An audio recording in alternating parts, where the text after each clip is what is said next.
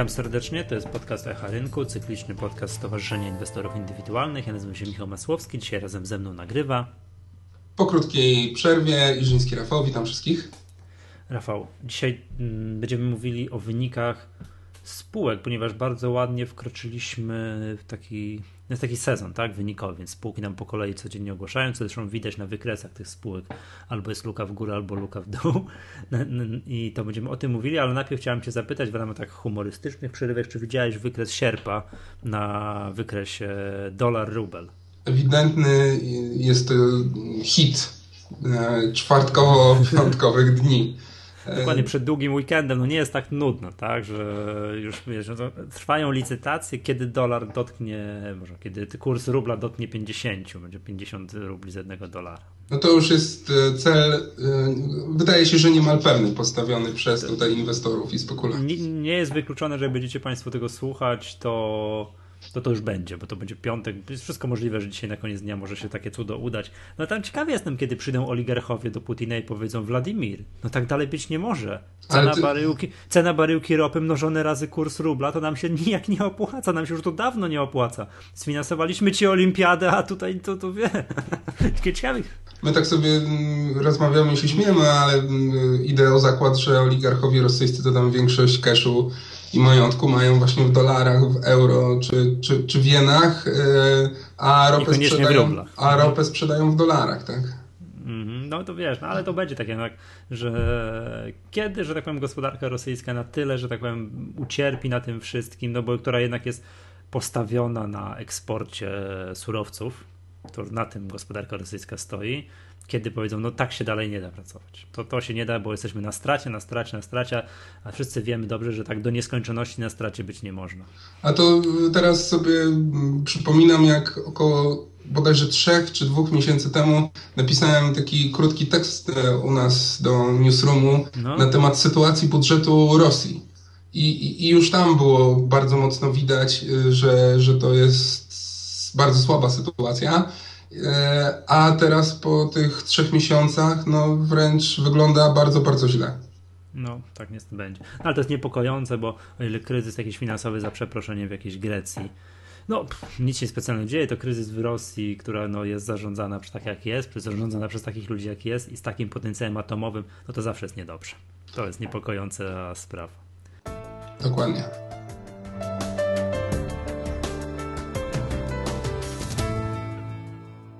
Dobra, tak jak już mówiliśmy, mm, prze, przebiegniemy się po wynikach tych takich najciekawszych spółek, takich co my śledzimy, patrzymy, co regularnie piszemy u nas na stronie, czy co powstają raporty, tudzież, tudzież y, są jakieś mm, newsiki w newsroomie pisane i chciałem Cię podpytać, bo wiem, że dzisiaj rano, jeszcze przed, przed yy, tutaj przed nagraniem, Energia opublikowała wyniki. Cóż tam ciekawego w naszej ulubionej spółce, ulubionej spółce wszystkich inwestorów i takiej, która jest tutaj no, podawana jako przykład, jak to wycenia się spółki pod kątem tego, jakie płacą dywidendy? Ile ta energia ogłosiła tych wyników i to dobrze, źle i, czy, i, i, i co tam u nich? No twoim pierwszym pytaniem było co ciekawego w Enerdze. Ja powiem, że najciekawsze w Enerdze jest to, że nie, nie ma nic ciekawego. A to dobrze, bo pieniądze lubią sport. Dokładnie. E, więc tutaj wyniki kompletnie nie odbiegały znacząco, czy nawet w bardzo niewielkiej ilości procentowej od konsensusu rynkowego, czyli od oczekiwań rynku, jakie one będą. E, więc tutaj jak e, zysk netto rynek się spodziewa na poziomie 216,9 milionów złotych w trzecim kwartale obecnego roku, no to Energa pokazała 213 e, milionów, tak? No to tam.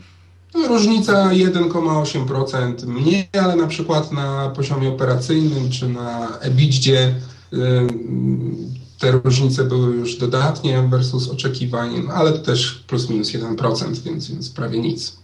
Mhm. Znaczy, już, już widziałem pierwsze wyceny energii, już kursu, tak? Że ktoś, to nie pamiętam kto, na 28 zł. Tak, to Bessi, ale to rekomendacja poszła jeszcze przed ogłoszeniem wyników. Tak, tak, tak, tak, tak, tak. To, to, jest, to, jest 20, to jest 28,55 za akcję i tutaj jest rekomendacja kupuj, e, ale no, to jest chyba jedna z najwyższych, jak nie najwyższa taka wycena docelowa, ale też w ostatnich tygodniach pojawiają się inne aktualizacje rekomendacji i, i tam te ceny docelowe są już mniej więcej zbieżne z obecną e, ceną rynkową. E, co ciekawego w sprawozdaniach finansowych bądź, bądź nowych opinii rynkowych, no to na przykład ciekawą rzeczą jest to, że Energa na koniec trzeciego kwartału posiadała środków pieniężnych na swoich kontach w kwocie 2 miliardy 700 milionów złotych. A to jest praktycznie tyle samo, dosłownie niewiele mniej niż suma ich kredytów, pożyczek i innych rodzajów e, kapitału oprocentowanego. Więc, więc tutaj tyle, ile pożyczyli, tyle, ile, tyle mają mniej więcej na kontach. Czyli takie przygotowanie do, do, do finansowania inwestycji e, jest na jakimś tam wysokim poziomie. E, przepływy operacyjne, to co, to co spółka generuje gotówki z działalności podstawowej, no to trzeci kwartał to jest e, miliard 90 milionów, a te przepływy z działalności operacyjnej zawsze w przypadku obecnie spółek energetycznych powinniśmy konfrontować z wydatkami, znaczy z przepływami z działalności inwestycyjnej. Czyli jak spółka wygeneruje z działalności podstawowej jakąś gotówkę, to pytanie, czy jej inwestycje są na wyższym poziomie i wtedy musi na przykład brać kredyty, żeby to sfinansować, czy na niższym i wtedy nie musi, a może wypłacić dywidendę, tak? I to jest właśnie hmm, chyba jeden z najważniejszych aspektów obecnie inwestowania i wyceny akcji spółek energetycznych, bo jeśli hmm, przeczytamy sobie opinie analityków właśnie po tych dzisiejszych wynikach, no to tam analitycy hmm, zwracają uwagę, że na przykład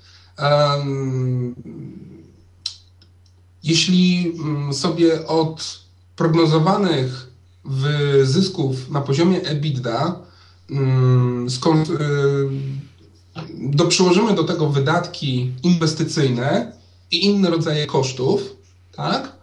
No to ile pozostanie tej różnicy, tego miejsca?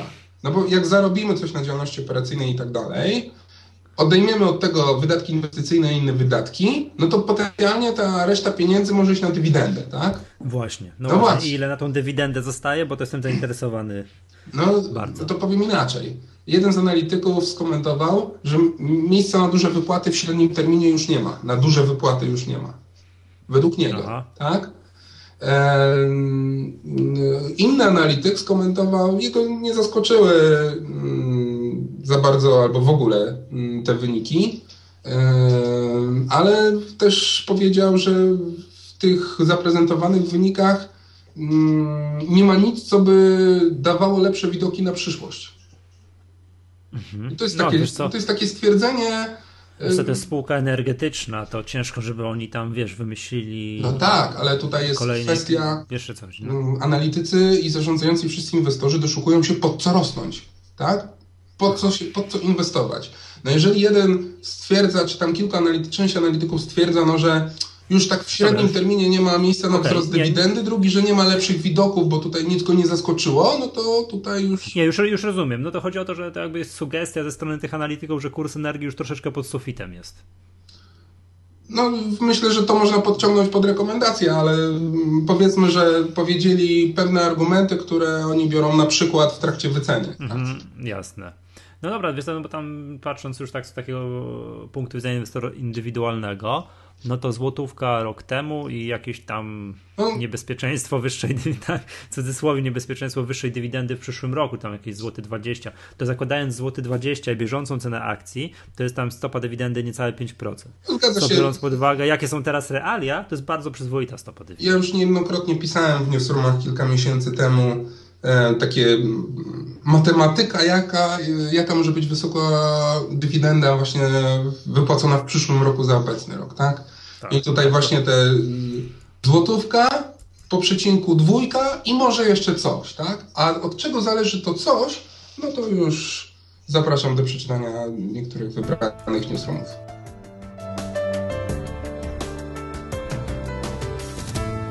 Przejdźmy do kolejnych, tutaj dwóch spółek, o które które też są tuż po ogłoszeniu wyników, a przy okazji są to spółki, o których często, piszemy. Po pierwsze, teraz w tym tygodniu ukazał się na naszej stronie raport o spółce LPP, w cudzysłowie naszej najdroższej spółce, której tam byłaby może i super popularna wśród inwestorów indywidualnych, gdyby nie to, że jest po 10 tysięcy złotych. No nie, teraz jest troszeczkę mniej. Kiedy były wyniki? Wczoraj czy dzisiaj? Dzisiaj w piątek. Dzisiaj, no i jest minus 6,5% na, na LPP. No, na otwarciu e... minus 5. No i to jest minus 6,5 chwilę. Tak jak teraz rozmawiamy, tak? To, to, tego nie wygląda to, nie wygląda to dobrze, dobrze. Co LPP ogłosiło w wynikach? No, przede wszystkim zaskoczyło, LPP zaskoczyło rynek słabszymi wynikami, przede wszystkim pod względem zysku netto, e, bo tutaj y, różnica od oczekiwań to jest aż 23%. Tutaj rynek się spodziewał 106,2 miliony złotych, a, po, a LPP pokazało 81,7. To jest, to jest spory rozstrzał. No, spory. Na poziomie EBITDA, EBIT różnica jest około 5% ujemna. E, generalnie pamiętajmy, że w zeszłym roku ten zysk wyniósł e, netto 110,5 milionów, więc tu jest no, blisko 30 milionów gorzej. To jest dużo. Z czego to wynika? No przede wszystkim to mm, można było oczekiwać słabszych e, wyników w trzecim kwartale, ponieważ LPP jak co miesiąc ma w zwyczaju publikuje takie raporty mm, przychodów ze sprzedaży za jeden dany poszczególny miesiąc. I tam było po wrześniowym, e, po wrześniu, we wrześniu mm, wyniki za wrzesień były no bardzo, bardzo słabe sprzedażowe. E, I to już e, to było przede wszystkim spowodowane bardzo ciepłym wrześniem. Ciepły wrzesień, pogoda, jeden z największych czynników wpływających na sprzedaż, automatycznie na zyskowność spółek. I ludzie nie, nie, nie pobiegli do sklepów kupować nowe ubrania, bo przecież dalej jest ciepło. Jesienno-zimowe, tak. Tak jest. I, i, I tu był ten główny powód. E, dlatego też i tak, taki wskaźnik e, like for like, czyli porównanie sklepów takich, co były, funkcjonowały rok temu we wrześniu i obecnie we wrześniu, no to sprzedaż w tych sklepach porównywalnych spadła o 6,7%. E, więc, więc, więc to już pokazuje, że, że słabo było w tym trzecim kwartale. E, sama spółka zresztą w komentarzu napisała, że wyniki są niesatysfakcjonujące.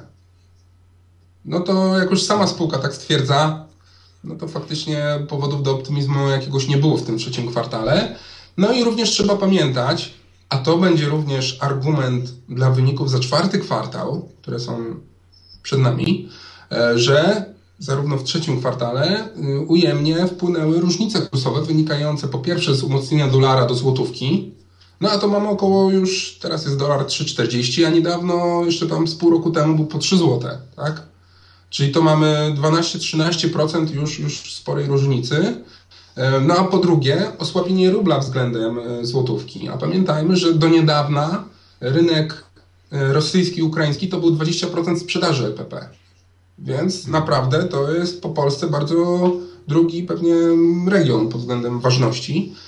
No ale to co wielokrotnie dyskutowaliśmy, że spółki, które mają jakąkolwiek ekspozycję na wschód, no to są teraz takie, wiesz... No, ale LPP na tym w ogóle praktycznie nie, nie ucierpiało, tak? Do tej pory. No wie, ale wiesz co, że ja wiem, że nie ucierpiało do tej pory, no ale zasadniczo jak wiem, że to jest ryzyko istnieje cały czas i jest znaczne. Tak i tutaj o, tym, o tych różnicach kursowych trzeba pamiętać właśnie, próbując prognozować wyniki za czwarty kwartał, pamiętajmy, że tutaj ten rubel w czwartym kwartale naprawdę dał już czadu na wykresie. E, I, i, no i ciekawe, jak tutaj spółka efektywnie mm, po pierwsze mogła zabezpieczyć się w hedżowaniu, zabezpieczenia ryzyka walutowego instrumentami finansowymi, a po drugie, jak skutecznie przekładała na ceny w tych rosyjskich czy ukraińskich sklepach, aby utrzymać tą marżowość brutto, która tam w okolicy jest 60 kilku procent do tej pory, więc, więc całkiem wysoko. Co do LPP, no to cały czas trzeba podkreślać, no przy cenie niespełna 10 tysięcy, no to wartość kapitału własnych na jedną akcję to jest 847 zł. No to wskaźniki C do WK i tak dalej. To jest ogromne. Na wysokich poziomach pod względem wartości. E, dywidenda 93,6 zł.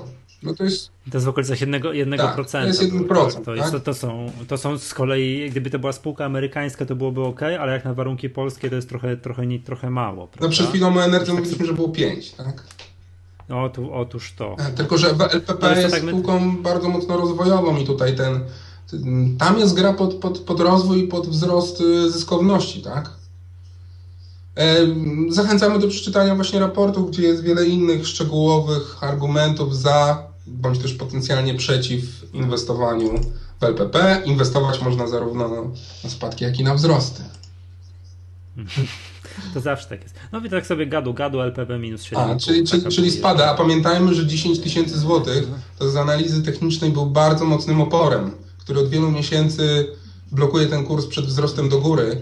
E, I, I tutaj kolejne nieudana, kolejna nieudana próba, no tutaj technicy mogą już się tutaj rozwodzić. Nie, on tam regula regularnie przekracza 10 tysięcy, wczoraj było równo 10 tysięcy, tam wiesz, od, odcięto dywidendę dwa miesiące temu, no to to minus 90 parę złotych, tak, no to wiadomo, tak jakby teraz dodać do tych kursów, co jest teraz, no nie, to może teraz to, co nie, to już nie, ale tych, co było wczoraj, te, te, tą dywidendę to było powyżej 10 tysięcy, no to tak jest, nie, no faktycznie, ale... Zdecydowanego przeczucia nie było, a o to chodzi. Nie, nie, nie, nie, nie, nie, nie, nie było, nie było, to maks roczny jest tam 10 140 149, mm, tak? No dobra, ale teraz tak.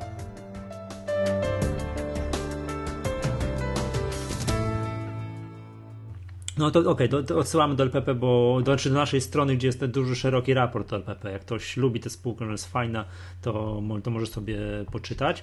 Dla przeciwwagi, dla przeciwwagi, spółka z bardzo podobnej branży, czyli CCC, o której też wielokrotnie mówiliśmy, no dzisiaj plus 7,5 z kolei, więc dokładnie na odwrót. A to też jest spółka, która powinna, i to też było, przypominam, przypomnijmy, gdzieś tam w raportach mm, za okres jesienny podawane, że mają gorsze wyniki sprzedaży, ponieważ, no takie to, co już powiedziałeś, że to spółka cierpi, jak najlepiej by jakby lało cały czas, tak? To, to spółka by miała wyższe, wyższe wyniki, zmiana pogody, trzeba nowe buty kupować i tak dalej. Tymczasem mieliśmy pogodny wrzesień, umiarkowanie pogodny październik, a CCC plus 7,5. No, słuchacze, Wyniki, słuchacze, domyślam się. Słuchacze naszych... Sorry, i, w, i, w trak, I w trakcie sesji, teraz już troszeczkę spadło, był maks roczny 145,90. Dobrze.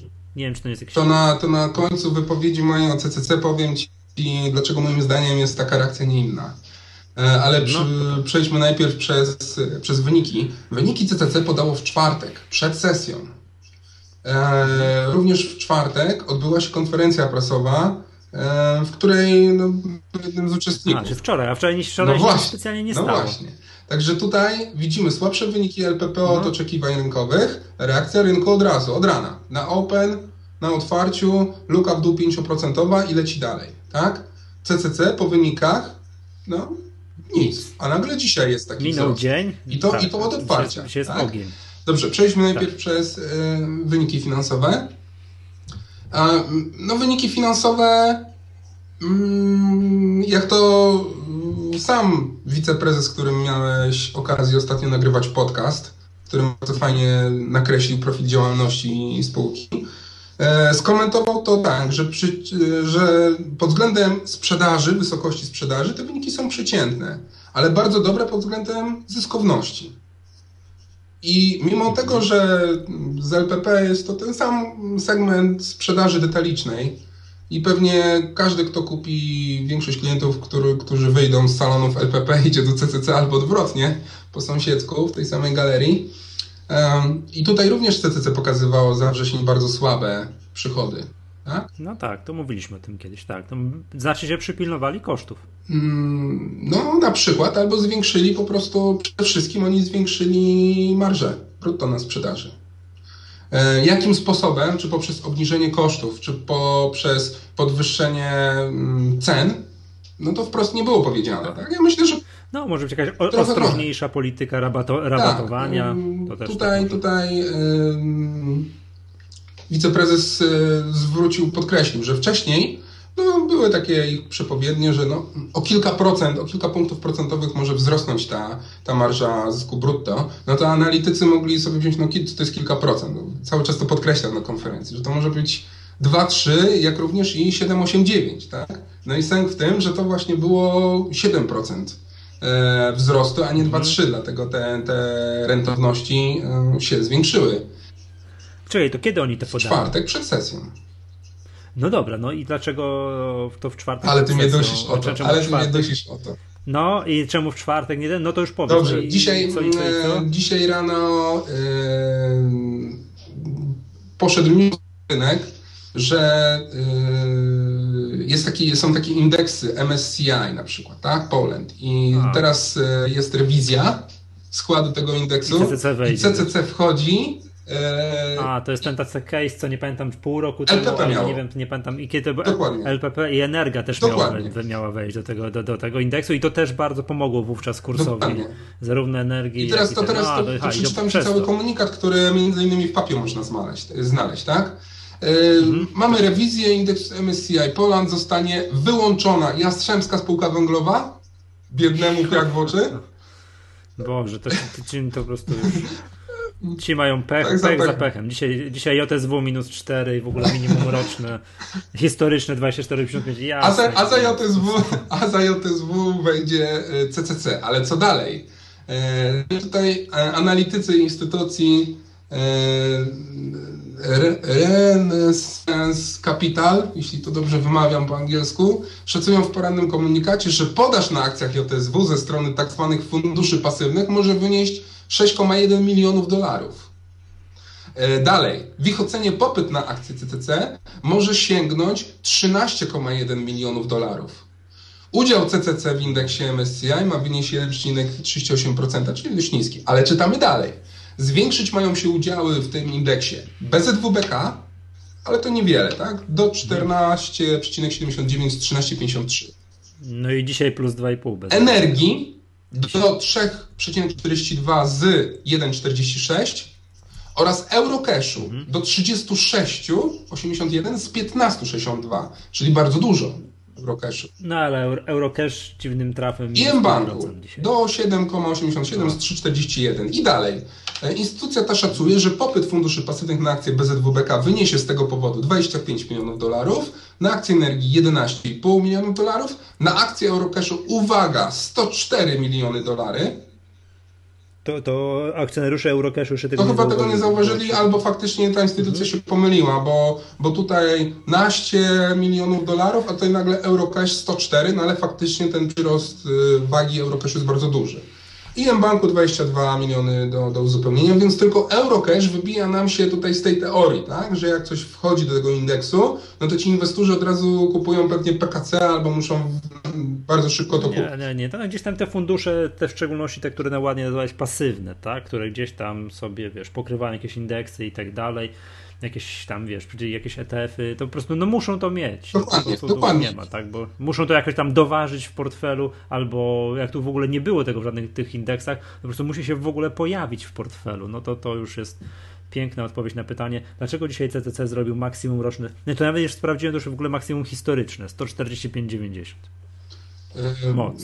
Tak, to jest bardzo wysoko. E, no to wróćmy teraz jeszcze do, do tych e, wyników i fundamentów CCC, tak?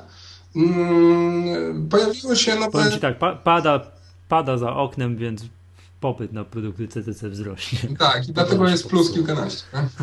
Tak? otóż to. Nie, aż tak to, aż tak to tak dużego przełożenia do tego nie ma. No, no dobra. No. Ja tak sobie mm, próbowałem policzyć e, wskaźniki, bo CCC jest na tyle bardzo przejrzystą spółką pod względem prognozowania wyników finansowych i oni wprost mówią, Przychody 2 miliardy z małym haczykiem w tym roku. Tak? Zysk netto tutaj mm, około 200 milionów złotych. Zresztą w strategii oni pokazują, że rentowność netto w najbliższych e, w strategii 13-15 to ma być 9-12% e, netto. Więc tutaj około tych 10% e, szacują rentowność netto, czyli zysk netto około 200 milionów złotych. Jak kształtują się wskaźniki rynkowe? No tutaj zysk na akcję przy 200 milionach e, zysku netto wyniesie 5,2 zł, co generuje CZ przy cenie 140 zł 27. No to, to już trochę. LPP ma tam około 40, około 40 tak, przy obecnych cenach. No. E, dalej, przy 2015 roku CCC e, prognozuje 30% wzrost przychodów, no więc z 2 miliardów do 2,6 miliarda, tak? I zysk netto, jeśli znowu utrzymamy te 10%, z obecnego roku wyniesie bardzo łatwo policzyć 260 milionów złotych, a to przełoży się na wskaźnik ceny do zysku przy obecnych cenach około 20 w przyszłym roku. Tak? E, więc to bardzo łatwo można szacować. Mm, co ciekawego, tak w szczegółach w CCC jeszcze, no CCC ma, jak spojrzymy na ilość sklepów, tak, na koniec trzeciego kwartału to jest 692 sklepy. Ta łączna ilość sklepów się nie zwiększa od wielu kwartałów, ale łączna powierzchnia handlowa bardzo rośnie. Tak? Ale oczy, no i oczywiście, zamykania... tam ci słuchacze, ci słuchacze, którzy pamiętają ten podcast z prezesem Nowialisem, to powiedzą, że oni zamykają te takie stare sklepy, które otwierali tam oho, ho, ileś lat temu, a otwierają nowe. A w tych nowej strategii mają, że nie otwierają sklepu mniejszego niż, nie pamiętam teraz, kilkaset metrów kwadratowych. Już taki, no takich pici, pici sklepików gdzieś tam w jakiejś koziej wólce już nie otwierają. Tylko w dużych centrach handlowych duże, takie wystawne te sklepy. No i to, to z tego wynika. Tak? Pewnym jakimś tam ujemnym zaskoczeniem e, w wynikach CCC trzeci kwartał to są bardzo duże ujemne przepływy z działalności operacyjnej. One się biorą przede wszystkim z, z, z zapasów. Bardzo duże zapasy. Mhm. E, nie poszła im sprzedaż taką, jak planowali, czyli zatowarowali się, przygotowali się na większą sprzedaż. W trzecim kwartale im to nie poszło. Kolekcje zostały. I tutaj spółka mówi, że jeśli nie sprzeda tych zapasów przez te kolejne 4 miesiące zimowe, to nie będzie za wszelką cenę robiła obniżek, żeby się pozbyć tych zapasów, tylko jest w stanie je przechować przez rok do następnego sezonu i sfinansować leżenie tych zamrożonych e, środków pieniężnych w zapasach na magazynach. E, tutaj wiceprezes również odniósł się do mm, perspektyw rozwoju e, za granicą. Zwrócił uwagę, że jedynym rynkiem, na którym spółce nie idzie, to jest Turcja. Tam spółka ma dwa sklepy, i tam jest bardzo ciężko. Tam jest cały czas taka sama pogoda. To e, I tutaj po tych po trzech tak, kwartałach jest strata 2 miliony złotych. Mhm. Tak? Dyskutowaliśmy wtedy, pamiętam o tym, że no wiadomo, że są warunkiem, takim czynnikiem niesprzyjającym jest to, że tam nie ma tak zmiennej pogody jak w Europie Środkowej, ale warunkiem sprzyjającym jest to, że tam są bardzo wieloletnie rodziny, tam jest taka struktura społeczeństwa, która spowoduje to, że, mm, to, że powinien być wysoki popyt na to. No i oni się bardzo rozwijają, to oni są na kompletnie innym poziomie cywilizacyjnym niż my. No, dokładnie. E, także CCC jest chyba dość mocno czytelną spółką i tak dalej. Wszyscy wiedzą, jest zaprognozowany ten ich rozwój, więc tutaj niewiele może zaskoczyć, ale dzisiaj ta rewizja emisji jest zaskoczyła.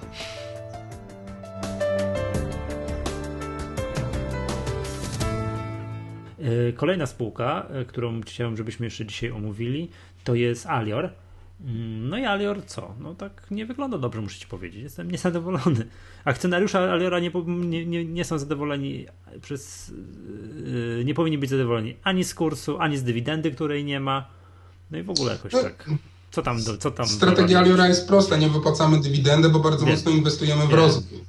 Tak, to, to, pamiętam jeszcze z prospektu emisyjnego, już nie pamiętam co mi w tym prospekcie napisali, że przez pierwsze dwa albo trzy lata bytności na giełdzie na pewno nie wypłacają dywidendy, a potem się zobaczy. I to ile to już będzie? Od 2012 to dopiero minęły dwa lata Aliora na giełdzie, więc jeszcze wszystko jest obowiązujące, nie ma żadnej dywidendy. I to jakby tego było mało, to jeszcze są emisje akcji, tak? No, pod co? Pod przejęcie Meritum Banku. E, ostatnie walne dosłownie tam niewielką ilością głosów nie udało się przegłosować e, tej emisji e, akcji. Chodzi o to, że e, Alior wyemituje 2 miliony 355 498 akcji. Więc to jest rozwodnienie kapitału. Alior ma niecałe 70 milionów akcji łącznie wszystkich kapitału zakładowego. Więc tutaj rozwodnienie jest no 3% na szybko. E, ale to jest za wkład pieniężny w łącznej kwocie 172 miliony złotych.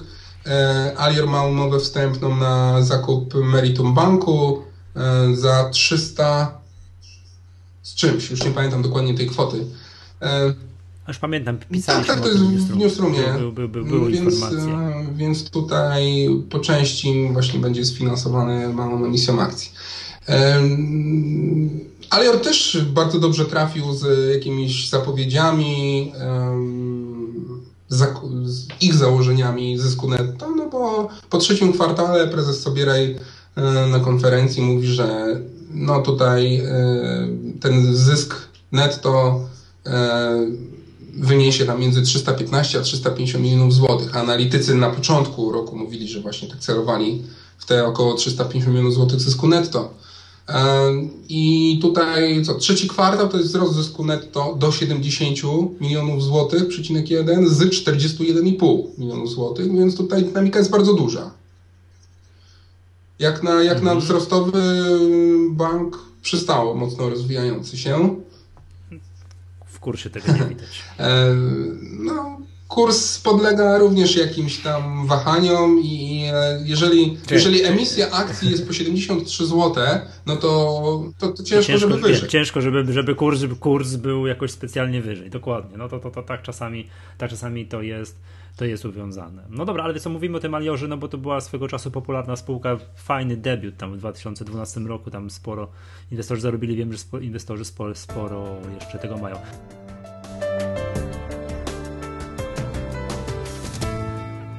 Jeszcze na sam koniec, dosłownie na sam koniec chciałem zapytać o to JSW, które się faktycznie zawaliło dramatycznie. Tam już jest w ogóle jakiś splot bardzo negatywnych wszystkich newsów, wydarzeń w spółce. Mieli jakieś wewnętrzne, nie wiem czy słyszałeś, wewnętrzne referendum, mm, które no, wśród pracowników, chciałem powiedzieć 80 czy 90 parę procent zagłosowało za odwołaniem zarządu. Jakieś tam y, mnóstwo negatywnych rekomendacji.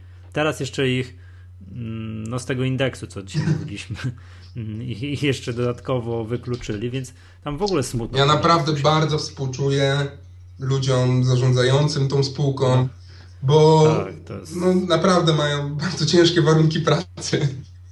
Teraz jest naprawdę niedobrze, mają ciężki, ciężki okres.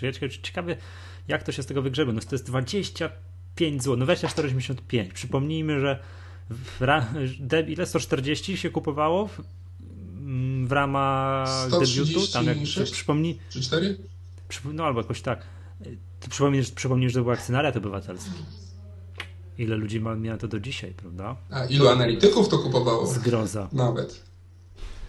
Ile, ile jakie to jest... Ale to zapraszamy do, do przeczytania newsroomu, tam podsumowałem tak. te wszystkie tak, rzeczy, tak. E, które, które ostatnio w JTZW miały miejsce. Dokładnie. E, no, nie, fatalnie, no naprawdę, aż już szkoda mi tak przyznam się, że lubimy się, to wiesz, JTSW y, regularnie kojarzymy, że oni zawsze takie, i te relacje Bardzo wysoko oceniane i, moim, moim i, i, i, dobrze się komunikują, wszystko i tak dalej, no ale mają ewidentnie ewidentnie dramat. Dzisiaj jechałem samochodem i też, o właśnie nasz nieśmiertelny temat, co dyskutowaliśmy, nie, nie pamiętam, w poprzednim odcinku, jak ostatnio się widzieliśmy, czyli o tych tak. deputatach węglowych. Teraz w, gdzieś też znowu jakieś kolejne te spółka, już teraz nie pamiętam, chyba kompania chyba kompania węglowa gdzieś właśnie też ograniczać, ciąć te wydatki, te też mają ciężkie, ciężką przeprawę ze związkami zawodowymi.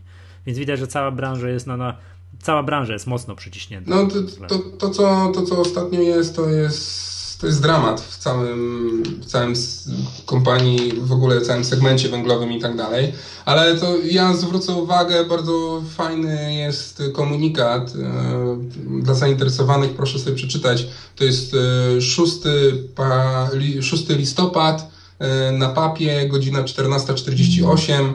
Tytuł KHW sprzedał kopalnię Kazimierz Juliusz spółce restrukturyzacji kopalń, czyli ta kopalnia w Sosnowcu, co te strajki były taką we wszystkich wiadomościach. Chodzi o to, że mm, ta kopalnia, która należała do katowickiego holdingu węglowego, to KHW e, sprzedał tą kopalnię e, spółce restrukturyzacji kopalń, która należy do Skarbu Państwa. Mi się okazuje, że tutaj e, ta kopalnia została sprzedana za symboliczną złotówkę. Transakcja była możliwa do przeprowadzenia w zakończonym procesie legislacyjnym i tak dalej. I tutaj mm, budżet państwa, przejmując tą kopalnię, hmm. przejmie na siebie wydatki z, wynikające ze, ze zobowiązań kopalni wynoszących obecnie 120 milionów złotych, z kosztów likwidacji szacowanych na 160 milionów złotych, czyli łącznie 280 milionów złotych przejmie na siebie budżet państwa. A dlaczego? No, tak się dogadali. No, Bo? A ty byś chciał przed wyborami jako polityk sobie nie wyciszyć? Wiem, ale to wiem. według mhm, mnie to wiem. jest skandal, bo w tym momencie z moich podatków ale to co? Zarząd KHW i tak dalej nie wiedział, że tam się węgiel kończy, nie robił rezerw na likwidację kopalni 10 lat wstecz i tak dalej, i tak dalej. No okazuje się, że nie. No to ja mam ponosić tego koszty jako podatnik? No bo w tym momencie ponoszę. Tak? A, to jest Dla mnie jest rozumiem, to skandal. o co chodzi, że oni sobie kopalnia już kończy działalność, a koszty działalności, znaczy koszty likwidacji poniesie Skarb Państwa, no żeby... Ja bym wolał, żeby to, co Skarb Państwa wyda w tym momencie na likwidację tej kopalni, poszło do drugiego filaru ZUS-u. No. A nie odwrotnie. Oj, niech jakąś kawałek no, autostrady. kawałek autostrady wybudują, żebym nie stał w korkach dwie godziny dziennie. E, czy, czy, no i teraz wydatki budżetu mogłyby zupełnie inaczej wyglądać. Czy o tym, czy o tej informacji któreś z mediów wspomniało? Nie no właśnie, to chyba jesteśmy jedynym kanałem dystrybuującym takie informacje, oprócz papu, który musi, pewnie. Dobrze. Zachęcam do przeczytania w całości wyrażenia swoich opinii na ten temat.